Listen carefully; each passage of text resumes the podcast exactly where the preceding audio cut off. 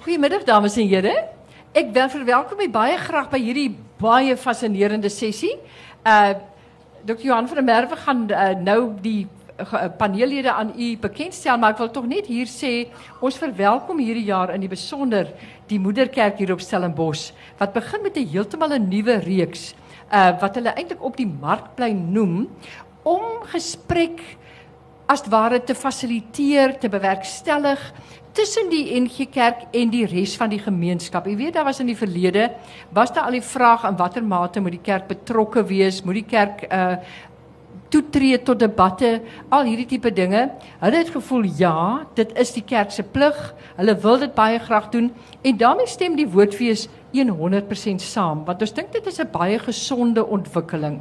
Ehm um, dat die mense wat hier by die woordfees uh vir hulle bevind, die ons feesgangers is intellektuele mense. Dit is ons teikengroep is die ek dink is die fees in die land met die meeste pitkos. Ons kan dit doen want ons het hierdie teikengroepe. Mense wat geïnteresseerd is in ook die ingewikkelde vrae partykeer in die lewe en wat ook nie bang is vir die kritiese vrae nie. Want as jy weet, jy weet as jy oor iets praat, as jy dit ter diskussie stel, dan as jy dit in die oop te bring, is dit baie belangrik kan jy baie verder kom met gedagtes met abstrahering rondom sulke belangrike dinge soos die godsdiens as wat jy kan doen as jy dit ignoreer of jy beskou die gemeentelede as dom wat soos kinders behandel moet word. Ek dink nie dit is nodig om ons feesgangers soos kinders te behandel nie. Ons kan kritiek, ons kan kritieke denke ons teikengroepe kan dit hanteer. Dit is ook die benadering van die moederkerk en van van daar wil ek net sê dit is vir ons 'n besondere aangename uh voorreg om hulle hier te verwelkom. Dit sal dan ook 'n kenmerk word van elke fees dat daar gepraat word oor baie interessante onderwerpe. En jy sien die onderwerp van vandag en ek dink uh Dr. Kay uh professor uh, Dr. Kay de Villiers is so 'n ideale persoon wat ook so gedrenk is in die mediese wetenskappe, maar ook dan 'n man wat ver dink en wat diep dink en wat in staat is tot baie Johannes de uh, de Villiers is ook weer 'n joernalis wat altyd skerpsinnig is en jy kan altyd verwas dat hy een of ander onverwagte haas uit die hoed gaan pluk en daarom dink ek hy's nou net die regte man by hierdie gesprek. Ek gaan nou nie verder in uh, Dr Dion Briwer, hy gaan aan die meer be, uh, bekend gestel word in groter besonderhede, maar ek wil tog net sê ek dink dit is die regte groep hierdie op die verhoog om dit baie interessant te maak en daar's baie ander mense wat so dink want ek sien daar kom nou nog 'n hele klompie mense in en ons verwelkom hulle ook hier. Bram het nou net ook 'n vol huis gehad daar in Erfurthuis. Baie welkom hier Bram. En uh goed, ek laat in die veilige hande van uh Johan uh van der Merwe en uh ek hoop dat dit die eerste is van vele. Dat die konyn van die woordfees, die towerkonyn, dat dit reg hulle soos die Hollanders sê, aantel soos konyne hierdie diskoerse. Baie dankie. Ja, Dorothea, baie dankie. Uh, ek is bly jy dink dit is veilig om in die hande van 'n dominee te wees. Almal sal dalk nie saamstem daarmee nie. Vriende, dit is vir ons regtig uh van die NG Moederkerk se kant af 'n wonderlike voorreg om in vennootskap met die Woordfees te gaan uh met hierdie soort gesprekke. Ek uh, wil dit graag ook in aansluiting by wat Dorothea gesê het, wil ek dit graag so definieer en sê hierdie is 'n gespreksruimte. So ten spyte van die feit dat ek nou 'n dominee is, uh, kan jy ontspan. Hierdie is nie uh, om jou met 'n slapriem te vang en nou nou nou moet jy onder 'n preek sit nie. Ek gaan nie preek nie, ek fasiliteer bloot die gesprek. Ehm um, en daarom eh, wil ek ook vir julle gerusstel en en sê dit is hoe ons die gesprekke inrig dat ons geen spesifieke uitkomste gedagte het nie. Ehm um, vir ons gaan dit daaroor dat 'n mens sal dink, dat 'n mens werklik sal dink ek uh, on, ons dink dat wanneer indien mense gelowige is, beteken dit nie jy moet jou brein iewers anders uh, gaan neersit sodat jy nou 'n bietjie kan glo ook nie. So ons dink daar is uh, daar is moontlikhede vir beide, vir glo en dink. En ons dink dit gaan daaroor om die vrae beter te vra. So indien ons hiervandaan sou kon weggaan, Ehm um, en miskien voel ons dit nou so 'n bietjie meer inligting om die vrae bietjie beter te vra so ons voel dat ons ons doel bereik het. So ek nooi julle graag na uh natuurlik hierdie maar ook die volgende twee gesprekke uit. Môre se gesprek om 11:00 gaan oor die huwelik of dit 'n goddelike of 'n kulturele instelling is. So môreoggend 11:00 op dieselfde plek en dan donderdagoggend om 10:00 baie interessante gesprek oor God en armoede. So dit is uh, wat môre en oormôre betref. Wat uh vandag betref geloofsgenesing of oë vir blindery. Nou al wat ek gaan doen is om doodgewoon weer die beskrywing te lees want dan sal julle agterkom waaroor dit gaan, soos wat ons dit in die program geskryf het. Beweringe dat geloofsgenesing 'n werklikheid is, word weer smalend deur die ander kant afgemaak as oorverblindery en met die siniese vraag gekonfronteer hoekom God dan nie mense met amputasies genees nie. Bestaan bonatuurlike ingrype? Staan geloof hier teenoor die rede? Is die wetenskap van westerse medisyne voldoende? Is daar ruimte vir geloof in genesing of bly dit by 'n placebo effek? So jy kan hoor baie vrae wat uh, rondom hierdie onderwerp daar is en uh, ek wil aansluit by Dorothea en verwelkom ons paneellede professor Kay de Villiers is uh, emeritus professor in die neurochirurgie en uh, uh Johannes de Villiers uh, langsom is uh uh nogal 'n belangstelling in die paranormale. Hy het uh, twee baie interessante boeke geskryf agter die somber gordyn en die einde van die wêreld en hoe om dit te oorleef. Tans is hy gesekondeer as uh uh die rykie van Reden dosent in praktiese journalistiek en hy wou eintlik gehad het ek moet net een ding oor hom sê en dit is dat hy 'n yoga instrukteur is. So dis eintlik uh op grond daarvan so ons ons sal nog allerlei interessante posisies waarskynlik van hom uh sien hier uh, vanmiddag en dan uh op daar op die punt Dr Dion Brouwer uh, Dr Brouwer is 'n uh, pastorale terapeut in diens van die Sentrum vir Kliniese Pastoraat van die NG Kerk. Hy werk sy hele beroepslewe al in hospitale en met uh, kliniese pastoraat en uh, hy het 'n besondere belangstelling ook in die raakpunte tussen teologie en psigiatrie ensovoorts. Ehm um, die bietjie wat ek weet van van uh psigiatriese verskynsels het ek destyds by hom geleer toe ons uh, daar by hom in die kursus was. So dit is ook baie lekker om vir hom te verwelkom. Die struktuur van ons gesprek loop so dat uh, ek wil graag vir elke spreker sommer net um, 'n 4-5 minute gee om uh, net op die tafel te sit hoe hulle gedagtes rondom die onderwerp loop en uh, dan vriende hierdie is 'n oop gesprek. So ek gaan doodgewoon dan die gesprek oopstel dat ons 'n uh, 15 of 'n 20 minute gebruik om uh, terugvoer uh, van u as gehoor te kry, vrae, opmerkings ensovoorts. Ons vra natuurlik dat jy dit kort en bondig hou. Ehm um, by 'n volgende geleentheid kan u 'n spreker hier voor wees en dan het u langer tyd, maar uh, kom ons hou die gesprek lekker aktief en aan die gang en dan natuurlik julle aan die einde kan hulle ook weer geleentheid kry om 'n paar slotopmerkings te maak. Tussendeur sal ek dan vir die paneel natuurlik 'n kans gee om te reageer op die vrae. So dit uh, genoeg van my kant af. So uh, professor De Villiers, miskien net vir ons se eerste defilier Ek raak nou alself die mekaar, want dit een is 'n Duvillier en die ander is 'n De Villiers. Dr. Kon het gesê vir hier as hy wil grand wees, dan sit hy daarby. So uh, ek hou maar by Dr. Kon se resep. Asseblief. Uh miskien is die punt waarvan ons moet uitgaan is uh, suiwerheid oor sekere dinge, terme wat ons gebruik. Kom ons praat oor organiese siekte net kortliks. Organiese siekte veroorsaak veranderinge in die liggaam struktuur, fisiologie wat jy kan meet. En uh, dit is die kern waarom die lewensbedreigende siektes gaan. Sommige as hulle kwaadaardige sal versprei en uh, dit bepaal tot 'n mate hulle graad van kwaadaardigheid. Elke siekte wat die mens beleef, het ook 'n sielkundige komponent omdat hy 'n mens is, omdat hy homo sapiens is, sal hy oor alles bekommer, sal hy oor alles dink. En daarom hangende af van sy persoonlikheid, hangende af van sy ingesteldheid, hangende af van sy geloof, sal hy simptome hê wat veroorsaak word deur sy sielkundige toestand. Daar kom ons nie van af weg nie. Daar is ander kategorieë van siektes wat totaal en al van sielkundige oorsaak is. As ons uh Molière se Le Malade imaginaire lees, hoor, dan hoor ons van 'n verbeeldingssiekte sin. Maar dis nie sommer net 'n gewone verbeelding van ek wil siek wees of ek dink ek wil siek wees nie.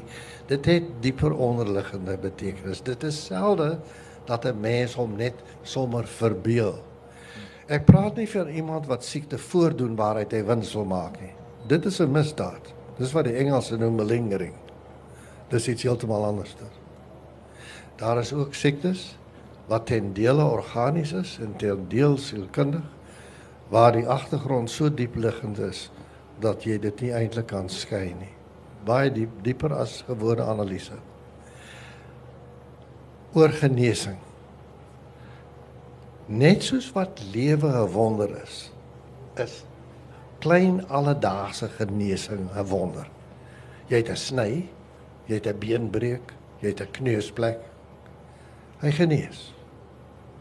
Daar's 'n groot sny, jy sit 'n paar steke in en hy genees. Dit kom by diere voor, dit kom tot 'n mindere mate ook by plante voor. Want dit is 'n deel van die wonder van lewe en ek sê die, die lewe is 'n wonder want dit kan beskryf word, maar dit is nog nooit kunsmatig geproduseer nie. En jy kan enigiets doen chirurgies of medies. As daar nie daardie basiese genesing is nie, dan is dit te vergeefs. Die vader van die uh renaissance in die chirurgie Ambroise Paré het gesê as hy 'n pasiënt gesien het. Ek het hom verbind en God het hom genees. Nie as 'n vroom praatjie nie maar uit bewondering vir daardie proses van genesing. Net genoeg nie te veel nie nie te min nie. Ek sal volstaan daarbey hmm. baie dankie Ehm uh, ons sou natuurlik baie dinge kon vra. Wat beteken God? Wat beteken hierdie genesing en hierdie ingrype? Is dit bonatuurlik ensovoorts? Dit is dink ek wat ons lekker kan uitsorteer in die gesprek verder. Johannes, asseblief. OK. Ehm um, ek dink ek sal ehm um, ek sal begin deur my nek uit te steek en 'n stelling te maak as dalk vir party mense omstrede is, maar ek dink dalk begin met 'n reguitstelling en dan kan jy later daar rondom uitbrei. En ek sal sê dat geloof nie siektes genees nie as sulks. Jy kan nie siektes wegbid nie. Ehm um, en nou baie mense as hulle mense dit hoor sê, sal hulle dink dat ek daardie probeer sê dat spiritualiteit en geloof is nutteloos of daar's iets verkeerd meer. En ek sal juis vandag wil argumenteer dat spiritualiteit baie nuttig kan wees, maar dat dit nuttig begin word juis wanneer dit nie probeer om siektes te genees nie. En ek sal sê hoe ek daarbey uitkom. Ehm um, Eerstens net 'n tipe van 'n disclaimer vinnig. Ek het ek, ek is ehm um, ek dink Johan het my genooi in my hoedanigheid as 'n yoga instrukteur op die dorp. Ek dink regtig so ek vermoed hy het besef hy het 'n dokter en hy het 'n predikant en toe 'n tipe grapkandidaat nodig wat in die alternatiewe geneeskunde werk en hy het gehoop ek gaan iets oor chakras kom sê of op my kop staan of so iets wat ek nie gaan doen nie.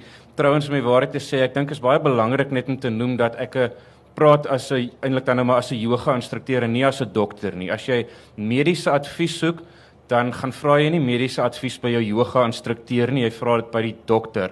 En as jy by jou yoga instrukteur gaan mediese raad soek, dan dan verdien jy eintlik die teenspoed wat in jou rigting gaan kom as gevolg daarvan. Maar nou wil ek ook tussen hakkies sê en dis reg baie belangrik en dis party mense moeiliker om te hoor as jy siek is gaan vra jy ook nie by jou predikant of jou pastoor raad nie. Daar's ander goed wat jy vir hulle gaan vra. Maar as jy siek is gaan vra jy raad by jou dokter. Ehm um, die die ding ek ek ek doen al yoga nogals redelik intens vir so, so amper 10 jaar en so meer as 2 jaar as ek instrukteer.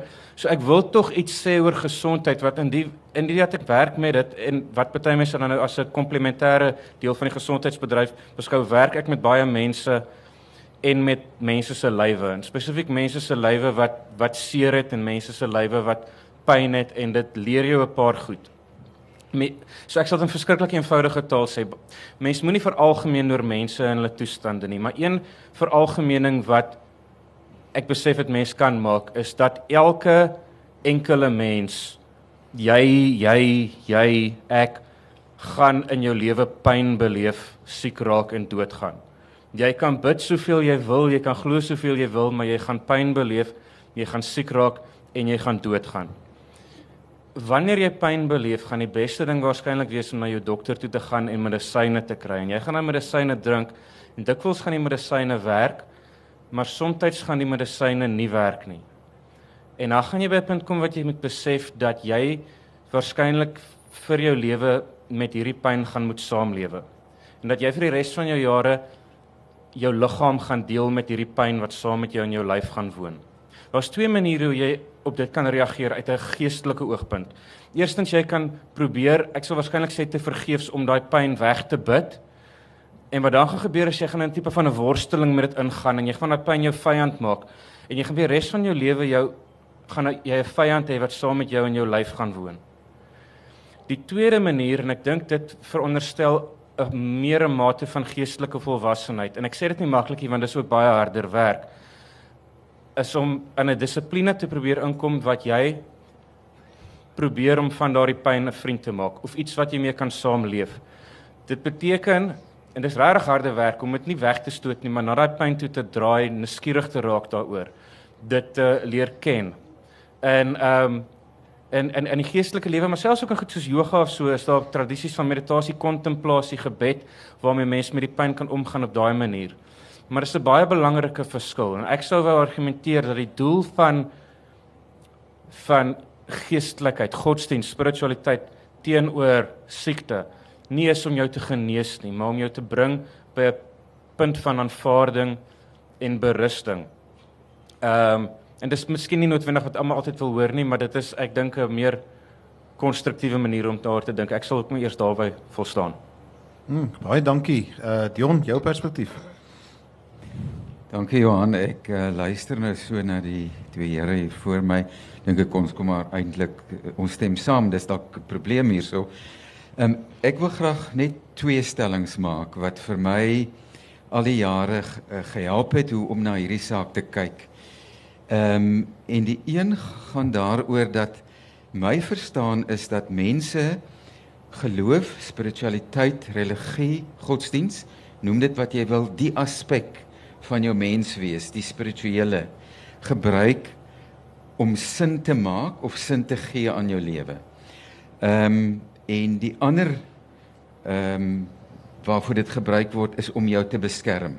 Nou dit kom uit die oergeskiedenis uit. Eh, die professor het daarna verwys. Soos ek eh, die die wetenskap lees, opgrawings wat gedoen word oor mense wat saamgegroepeer het rondom rituele, het dit gegaan daaroor dat hulle uh vir hulle eie beskerming saamgegroepeer is en so het godsdienst dan ontwikkel in Homo sapiens en dan natuurlik ook om vir jou te verduidelik om sin te gee nou wanneer siekte kom of wanneer jy uh in enige probleemsituasie is, dan vra ons almal, maar wat is die betekenis hiervan? Ek ek vind dit altyd en ek dink ons almal weet dit ook dat jy self ook vra hoekom, wat is die doel hiervan as jy in die moeilikheid is? En natuurlik ook gebruik 'n mens dan jou geloof, jou godsdiens om jou op 'n manier te beskerm. Dis die een bril waardeur ek hierna kyk. En 'n mens sou dit dan ook doen en dit is dan ook hoekom mense dan 'n behoefte het dat daar een of ander wonder moet gebeur wat ook al dan nou 'n wonder is.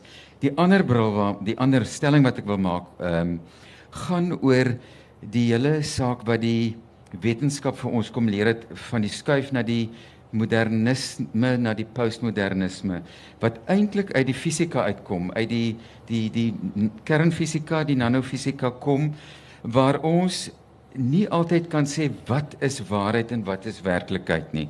Ons weet dat Einstein dit al vir ons gesê het dat ons nie noodwendig altyd 'n 'n greep het op presies wat waarheid en werklikheid is nie.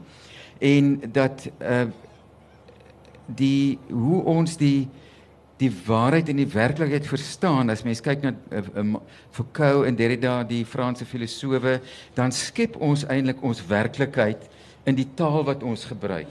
So in die geloofstaal wat mense dan gebruik rondom siekte en geloof en genesing, skep mense ook hulle werklikheid. So uh mense gee dus betekenis op 'n bepaalde manier in hulle siekte aan die werklikheid daar en daarom sal mense dan ook verskil oor watter standpunt hulle gaan inneem ten opsigte van genesing en geloofsgenesing. En dan stem ek saam met professor um 150 jaar terug sou uh ons 'n blinde darmontsteking gehad het en jy sou gesterf het daaraan. Nou is dit 'n relatief klein ingreep en na 'n paar weke dan is jy gesond. So as jy 100 jaar, 150 jaar terug sou gekyk het daarna, dan sou wat vandag gebeur 'n wonderwerk ge gewees het in die betekenis wat ons gee en hoe ons die werklikheid verstaan.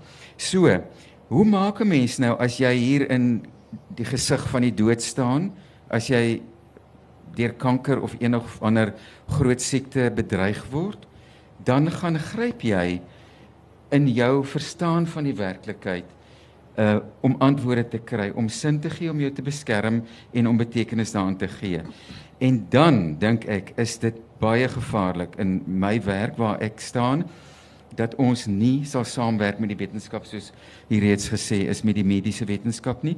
En ek het nogal 'n baie sterk broertjie dood aan mense en ek staan baie sterk standpunt daarin. As iemand byvoorbeeld skizofrenie uh, aan skizofrenie ly en daarmee sukkel as daar vanuit 'n geloofskonteks dan gesê word jy moenie jou medikasie neem nie. Ek dink dit is abuse. Ek dink dit is oneties.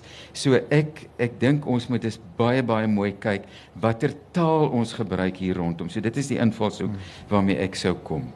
As ek miskien een of twee net uh, opklaringsvrae kan vra Dion wanneer jy met ander woorde langs 'n pasiënt se siekbed staan en jy doen jy jy doen gebede saam met mense, nê? Nee?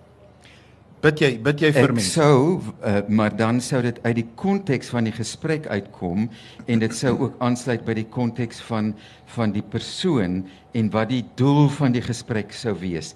Dit sou nie wees om die verantwoordelikheid van die persoon weg te neem nie, maar as dit is om in die verhaal van die persoon in die verstaan van die persoon as dit betekenis dra daar, dan sou dan natuurlik uh, van gebed gebruik gemaak word. Maar dan sou die ge gebed sou amper vir my 'n uh, liturgiese moment en simbool wees wat ek daar gebruik, maar nie 'n wondermiddel wat ek nou hier gaan uithaal om een of ander bonatuurlike 'n taak hier te ver, ver So as die pasiënt vir jou sou vra, "Dominee, bid asseblief dat die Here my gesond sal maak." Dan sou ek eers in gesprek gaan met die pasiënt oor wat genesing sou beteken vir daardie pasiënt en waarom en wat bedoel die pasiënt en hoe sou die pasiënt dit verstaan? So ek sou ook nie vanuit my verstaan van hoe om met mense om te gaan, sou ek nie my my verstaan op die persoon afdruk nie, maar eers dit wat dekonstrueer of unpack om te verstaan wat is die regtig die behoefte hiervan en sou dit help of sou dit nie help nie wat sou dit beteken?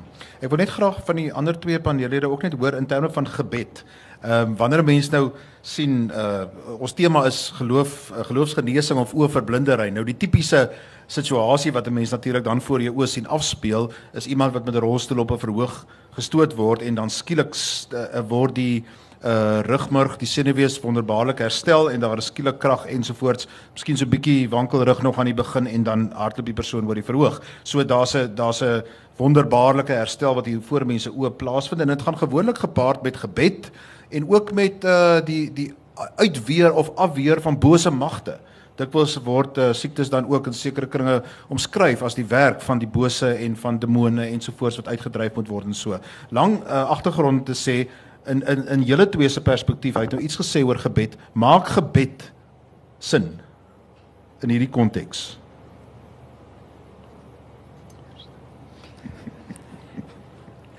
Soos julle kan sien, is die vrae nie vooraf die uh, deurgegee nie. Ek het dit belewe. Waar mense in groot getalle saam gebid het vir 'n pasiënt se herstel. Waar die pasiënt aan haar geluister het en gesê het dat dit haar diep roer maar sy nie weet hoe om daarop te reageer nie. Want sy het op 'n manier geleer om die hele werklikheid te aanvaar. En dit is reeds vir haar 'n vorm van genesing. Genesing lê op baie vlakke. Sy het haar eie persoonlikheid waarvan sy dan hier genees is voorgehou. Okay.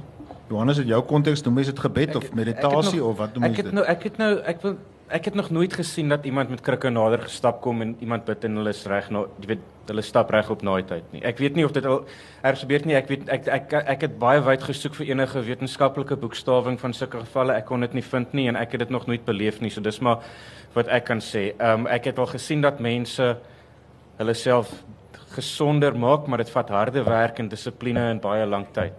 Um, die naaste wat ek aan so iets was, ek het om werksredes moes ek vir 'n tyd baie ehm um, jy sal onthou daai dae ons het gereeld toe gesels ehm um, Angus Bakken vir wie ek sal ken se dienste bygewoon.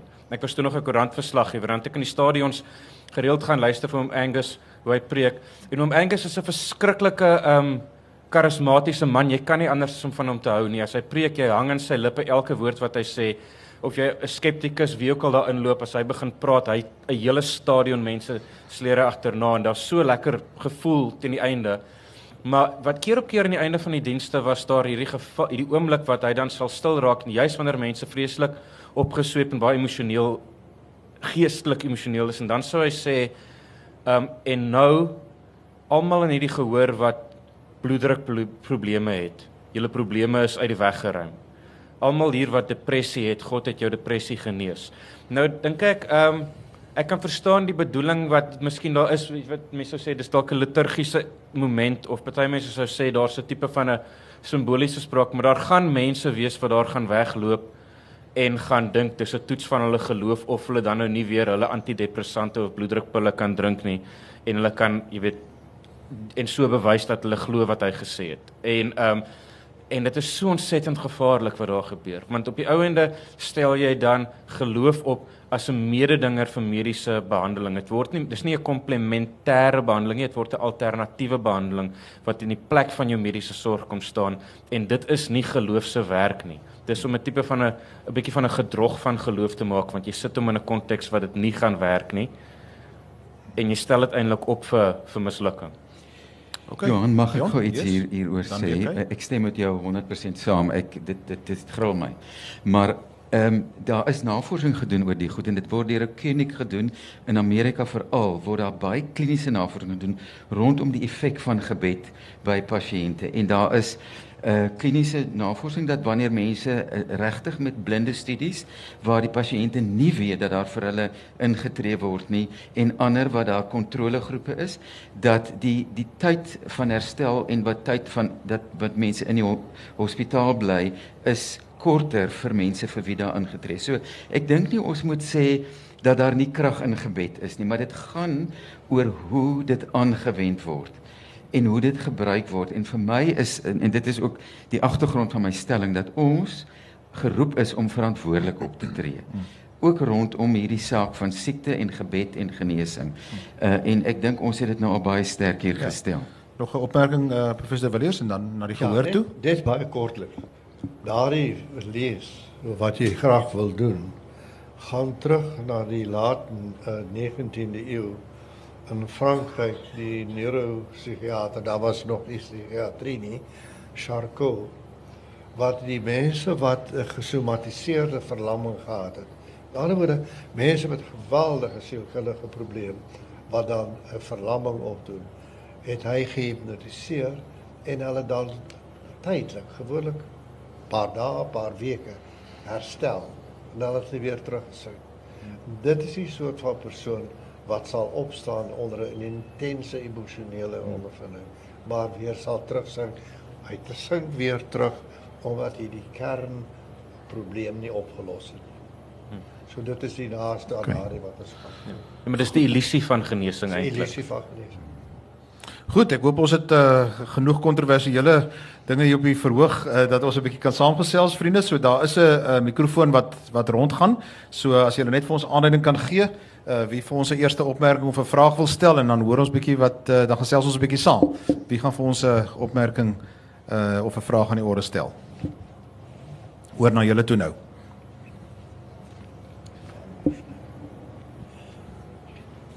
Hierso voor uh Gys.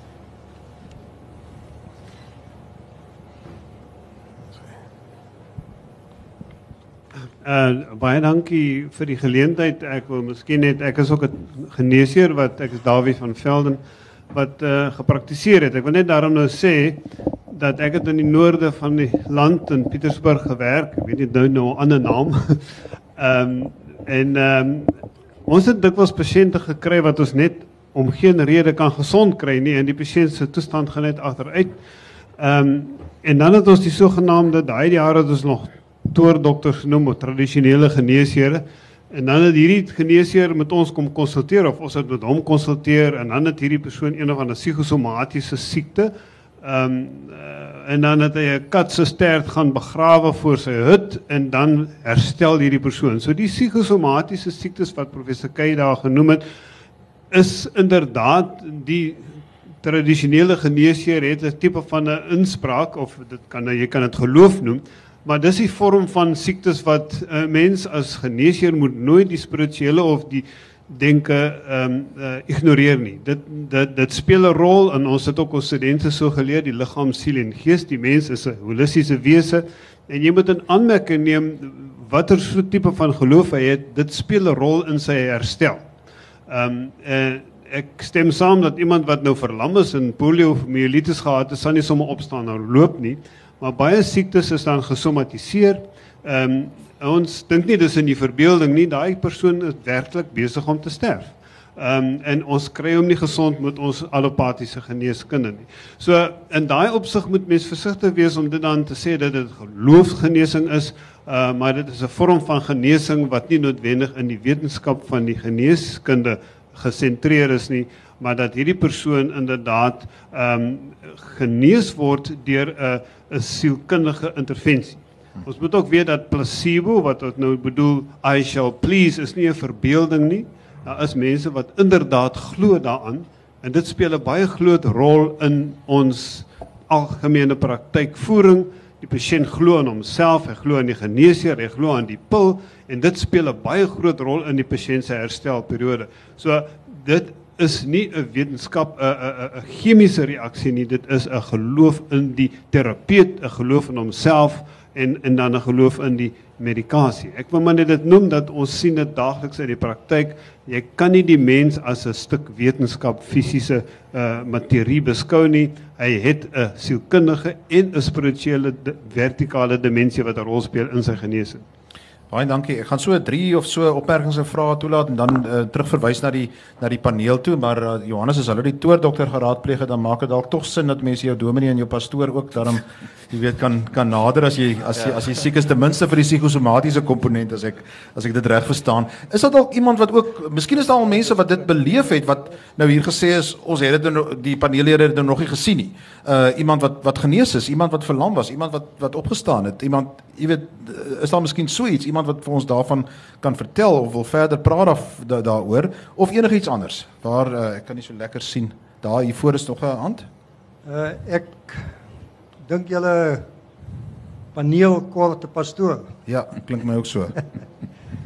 ek kom uit 'n charismatiese agtergrond uit. Uh ek het met hierdie goed te doen gehad vandat ek 'n kind was, geloofsgenesing. Ek kan onthou toe ek op Stellenbosch was hier in die 70er jare het hier 'n man kom preek in die stadsaal. Ek kan nie meer sy naam onthou nie. En die mense se bene het langer geword en allerhande sulke goed. Die Stellenboschers sal dit seker kan onthou. Nou ehm um, jy weet goddelike genesing dis 'n ander storie. Ehm uh, my siening oor hierdie goed het intussen verander. Ek het egter die naweek het ek met 'n vriend van my gesels, 'n baie goeie vriend. Hy kom uit dieselfde agtergrond uit. En hy het vir my vertel toe hy 20 jaar oud was, was hulle op Clifton op die strand gewees die dag en hy het 'n uh, hy het 'n aanval gekry. Hulle het gedink 'n sonsteek, dit het later uitgekom dat dit 'n nieraanval was en hy het ehm uh, hulle toe hulle daai op daai stadium met hy en sy vrou nie by 'n kerk toe gegaan nie en hulle toe besluit maar hulle moet nou weer slag kerk toe gaan. En hy doen 'n bietjie navraag en hy hoor van 'n goeie pastoor daar in die noordelike voorstede en die Sondag aand is hulle daar. En die Sondag aand toe hulle in die kerk in toe die kerk nou aan die gang kom en die pastoor, die singery is klaar en die pastoor kom op die verhoog. Toe klim die pastoor op die verhoog en hy bespreek Hy sê hy het 'n uh, 'n boodskap wat jy ook al dit wil noem ontvang dat in hierdie gehoor vanaand is iemand met 'n spesifieke siekte. Dis 'n niersiekte en hy bespreek hy beskryf hierdie man se siekte toestand in detail. Nou die kans dat hy wel, dit het dit het baie as jy as jy in die charismatiese wêreld was, het jy baie van sulke goed gehoor van 'n soos wat uh, Johannes nou net gesê het van bakkers wat Angus wat al die mense sommer eensklaps genees maar ek was in dienste gewees myself ek het nou nie die opvolging gedoen na die tyd nie ek dit sal interessant wees om te verneem wat was die uh resultate na uh oom Angus se dienste gewees watter mense het gesond geword en watter nie en waaraan jy weet wat se navorsing daaroor gedoen is al dan nie. Daai man het toe opgestaan en daar's vir hom gebid en dis nou 40 jaar gelede. En die uh blykbaar het hy op daai sal nou in die volgende maand of twee agterkom wat presies gebeur het daai of seker nie presies nie, maar spesialiste gee hom nou meer inligting, maar hy het 'n nuwe 'n nuwe probleem gehad dat sy een nier het stelsel maar, maar hy is daai aand basies het hy ervaar dat hy genesing ontvang het. En daai genesing het vir 40 jaar geduur. Hy het nou weer probleme met hierdie toestand. Maar hy het geglo dat dit dat hy genesing ontvang het en dat dit so lank gehou het en daar's baie mense wat hierdie beweringe maak. So om te sê dat in in verstaan my baie mooi ek hierdie uh, Benny Hinn veldtogte en die goed uh, Joshua uh, daar in Nigerië wat die mense in massas daar kom daar word net vir die soos wat ek het nou al opgesoem het daar word net vir die wat gebid wat kan wat so so soort van siek is wat kan opstaan en rond daar word nie vir die die mense wat ernstig siek is ons het die geval van die rugby speler daar van Noord-Transvaal wat kank wat besig was om te sterf van kanker en hy soen toe gegaan. Hulle het nie eens vir hom gebid nie, hy is teruggestuur. Die ander rugby speler wat sy uh, enkel beseer was, daar's vir hom gebid en hy is wonderbaarlik genees. Jy weet, en dis die dis die anomalie wat daar heers oor hierdie goed. Op die einde van die dag as jy wil as jy wil sê daar is geen goddelike genesing nie of daar's geen geloofsgenesing nie, dan dan uh, gooi jy die hele geestelike spektrum uit die prentjie uit. En uh daar's baie ateïste wat sê ons kom hier en ons gaan dood en ons is weg vir ewig. En daar's baie mense sê ons gaan hemel toe en daar's ander mense wat sê daar's dalk iets soos reïnkarnasie wat daar's geestelike uh, ons het uh engele wat rond wat oor ons die weg wag hou.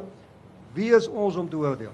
Dankie. Ja. Baie dankie. Ek gaan nog een uh daar agter uh Gys daar agter in die middel het ek nou gesien 'n hand. Ja. Hallo, ek speel Barnard. Ehm um, ek self is 'n predikant en het al baie oor hierdie goed gestruggle. My vrou is so 9 jaar terug gediagnoseer met twee gewasse in die brein. Ehm um, die eerste een in die temporale lob, die tweede een in die breinstam. En op daardie stadium ehm um, het hulle gesê die die verwagte tyd wat ons het is enigiets tot by 6 maande. Sy's 'n mediese dokter en ehm um, omdat sy destyds die beste student by Tuks was en medies het al die proffies by haar betrokke gewees en ek weet hulle het ook by Stellenbosch se ouens aangeklop rondom. En haar goeders is letterlik wêreldwyd gestuur. In daai tyd het baie mense kom bid en baie mense het interessante en selfs baie emosioneel sterende goed teenoor ons kwyt geraak. In so 'n mate dat ek op stadiums ouens wat wou bid het by die deur wou uitgooi. Ehm um, ek glo nie aan geloofsgenesing nie en ek glo ook nie aan gebedsgenesing nie. Maar ek glo absoluut aan goddelike genesing. Ons het die belewenis gehad dat nou 9 jaar later 4 jaar terug my vrou een oggend opgestaan het en nadat sy so agteruit gaan het dat sy nie meer kon funksioneer nie, het sy een oggend opgestaan en sy het ten volle gefunksioneer. Hulle het haar uh, 4 jaar terug geëvalueer en hulle het haar weer laat praktiseer. Sy praktiseer tans weer as mediese dokter. Sy het al haar goed terug. Al die ouens met wie ons te doen kry sê vir ons hulle verstaan dit nie, dit maak nie sin nie. Ek moet ook eerlikwaar sê ek verstaan dit nie. Ek glo daar's 'n God en hy gryp in en hy doen wonderwerke. Nie wanneer ek bid nie, nie wanneer ek glo nie, wanneer hy God is. En dis vir my awesome. Daaraan kan ek vashou. Die res te geen beheer oor nie. Ek weet net God is groter as wat wat ek kan dink. Baie dankie. Ek gaan tog nog een uh toelaat vir alles 'n uh, soortgelyke verhaal miskien is wat vir ons wat vir ons help om dit aan daai kant te hoor ook. Is daar nog iemand wat miskien vir ons iets uh op die stadium wil sê? Goed, dan gaan ek dit eers uh, teruggooi na die paneel toe. Uh, dit is baie moeilik uh uh na wat julle gesê het om uh, ek is geïnteresseerd wat julle sê op sulke verhale wat 'n mens hoor. Ek bedoel mense, wel iemand het gesê a man with an experience is never at the mercy of a man with an argument. Jy weet so, wat sê mens nou op so 'n ervaring? Sê mens nee, dit kan nie wees nie. Jy het dit nie ervaar nie. Uh so ek wil graag vir julle geleentheid gee. Ehm um, ek dink dit is wonderlik en Mense moet baie dankbaar wees. Die ander kant van die saak is ook dat nie almal altyd dan nou goddelik genees word nie. En mens, ons moet wanneer dit met jou gebeur, dan moet jy sin gee daaraan. Soos ek hoor dat die gene sin gee. Maar wanneer dit nie met jou gebeur nie, dan moet jy ook weer sin gee daaraan. En dit is my standpunt dat ons dis baie baie sensitief rondom hierdie saak sal omgaan na alle kante toe ter wille van respek vir mense. Ehm um, en vir my lê die die die belangrike saak is dat ons verantwoordelik met mekaar en met mense wat siek is sal omgaan. Uh veral as jy 'n pastoor of 'n dominee of 'n uh, iemand wat wat dan nou 'n posisie van mag het, want jy kan ongelukkig daardie mag gebruik. So ek is baie dankbaar vir die mense met wie dit gebeur, maar dit is die minderheid met wie dit gebeur waar ek gewerk het. Die meeste mense gaan uiteindelik dood wanneer hulle terminale siektes het. So ons moet dit net ook in gedagte hou dat dit nie is omdat ek goed of oulik sien dat ek nie gehoor sê dis uit genade. Is so mens moet maar net daai perspektief nou dit is my pastorale hart wat hier praat vir die mense met wie dit nie gebeur nie. Sodat ons net baie sensitief sal. Jy wil nie dus sê dit was nie God nie. Nee nee. Ek sou nie so iets sê nie, maar ek wil net sê dat ons moet baie versigtig wees oor hoe ons met ander mense en mense se siekte omgaan en hoe ons daaroor oordeel en en ek baie dankbaar dan vir die met wie dit dan beter gaan. Wat het daar gebeur? Johannes, kyk. Ek ehm um, ek dink ook weer eens en ek stem saam dat die eerste ding wat jy vra wat moet my sê vir so iemand as jy moet jy moet dankbaar wees want iemand was siek en is nou gesond en ek dink dit is tog 'n oorweldigende menslike reaksie. Ehm um, ek dink die ding is wat se tipe watter tipe watter tipe gevolgtrekking kan jy maak op grond van sulke anekdotes? En jy wil nie enigstens dit jy weet nou neerhalend daaroor klink nie want dan is jy kom jy verskriklik want dit dit sal verskriklik liefdeloos wees. Maar jy moet jouself vra ehm um, jy jy jy jy het verhaal, jy het gehoor van 'n ervaring wat iemand gehad het, maar kan jy veralgemenings op grond daarvan maak? Want dit is nog steeds anekdoties, maar dit is nou vir dit om wetenskaplike kennis te wil te word, sal iemand 'n studie moet gaan doen waarin dit herhaal word, waar dit in 'n vaktydskrif gepubliseer word en aan portuïeroorsig van mediese kenners onderwerp word en dan kan jy sê dit het die status van dat dit wetenskaplik bevestig is. So dit laat mense 'n bietjie weet op daai moeilike manier dat dit nou nog 'n stuk iets is wat buite kan die wetenskap. Party mense is heeltemal gemaklik daarmee om ook hierdie kennis en hierdie ervarings te hê wat buite kan die wetenskaplike wêreld is maar jy kan nie op grond van iets wat nie wetenskaplik is dan mediese gevolgtrekkings maak en dan voorspel dat dit herhaal gaan word en sulke goed wat jy kan doen met wetenskaplike kennis nie. So dis ek dink is net baie belangrik om daai onderskeid te tref dat jy weet, jy het hierdie stories van mense en jy moet dit respekteer, maar jy kan nie jy kan nie mediese besluite maak op grond daarvan nie want mediese besluite moet jy op grond van wetenskaplike kennis maak. OK, 'n uh, bietjie mediese perspektief ook. Is dit goddelike genesing? Ek het een basiese uh houding oor oor oor sekere dinge. Dit kom van Goethe af. Goethe het gesê dat daar sommige dinge is wat ons belewe wat ons vul met 'n gevoel van wonder. Jy het geen woorde daarvoor en jy het dit probeer begryp met die kennis wat jy het. En al wat vir jou oorbly is om te sê dat dit 'n wondere belewenis is. Mhm. Mm Ek aanvaar na aanwyling wat van wat dokter Barnard hier sê dat sy vrou gesien is deur vele geneesere toe sy siek was. Ek veronderstel dat sy ook gesien is deur vele geneesere toe sy oënskynlik herstel het. En dit moet tog so wees wat sy het gevorder.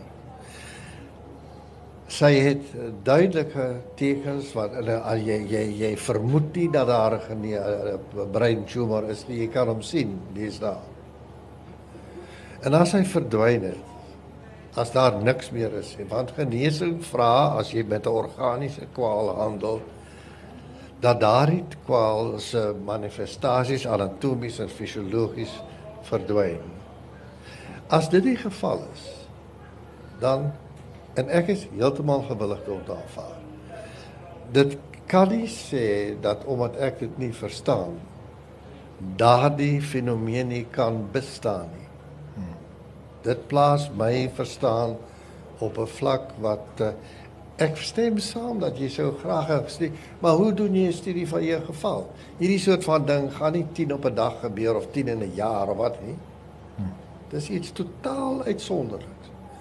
En ek is kinderlik of wat ook al genoeg om te sê ek staan verbaas en ek staan in verwondering. Hoe sien julle God? Gryp God in? Daar's die daar's die die uh term is gebruik. Gryp God in. Dis die eerste wat ek graag wil vra. Tweede wat ek graag wil vra, hoe moet ons die genesingsverhale in die Bybel verstaan? Nou hier op die laaste 10 minute vra ek nou sulke twee groot goed. Maar gryp God in en uit julle perspektief, hoe moet 'n mens die genesingsverhale in die Bybel dan verstaan? Kyk, jy vra nou 'n teologiese vraag en ek is bereid om dit te vat. Ehm um, ja, God gryp in, maar die vraag is hoe gryp God in? Uh, na my verstaan vanuit 'n gereformeerde teologie wat baie sterk werk met 'n teologie van genade, het God reeds ingegryp aan die kruis. Baie pertinent, baie duidelik. En ek werk, ek kan nie anders nie, ek moes baie diep gaan soek in die teologie. Ek werk met 'n kruisteologie. Dat God mens geword het en as mens het hy by ons kom staan en langs ons kom staan in ons lyding en ons lyding op hom geneem. En en het hy aan die kruis ons lyding kom deurkruis. Nou, dit is nou nie mooi woorde nie. Dit beteken dat wanneer ek ly en wanneer ek kanker het, dan is ek metafoor hier nou van God se lyding en kom God weer in my lyding in en kom neem my weer sy my lyding op hom. En wanneer ek sterf, het God reeds gesterf. Dit is die ingrepe waarin ek glo en waarmee ek werk en dit is die sin wat mense kan gee teologies. So, ehm um, God kom nie ingryp en maak ons vir ewig lewe hier in hierdie fisiese liggaam nie. Hy kom maak ons ewig lewe op 'n ander manier. So ek weet nie van een mens wat hier, nie Paulus nie, het ewige lewe in hierdie liggaam nie. So God se ingrepe is op 'n ander dimensie en het hy reeds aan die kruis gedoen. So dit is hoe en dit is ook al hoe ek langs mense kan gaan staan en sê kom ons gaan kyk hoe gryp God nou hierin. En dan natuurlik die hele ding van die opstanding, die oorwinning wat ook hoe mense op verskillende maniere kan oorwin. So dit is 'n teologiese antwoord maar ook 'n pastorale baie sterk antwoord wat ek Baie dankie. Ek gaan net vir 'n oomblik daar stop. Ek het net so 3 of 4 minute oor. Ek wil net ek net bang hier's dalk 'n brandende vraag of opmerking in die gehoor en as daar enige so iets is, sal ek dit graag wil hoor. So kan ek net gou seker maak. Enige iets wat iemand in die gehoor nog wou sê of of 'n uh, vraag of opmerking wou maak. Is daar iemand hierso voor se hand?